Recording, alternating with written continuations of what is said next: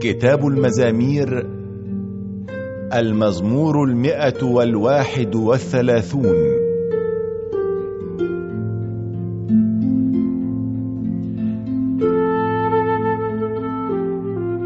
يا رب لم يتكبر قلبي ولم ترتفع عيناي.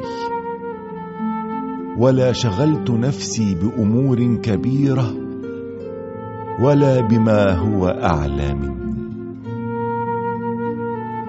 بل سكنت وهدأت نفسي كطفل مفطوم على صدر أمه.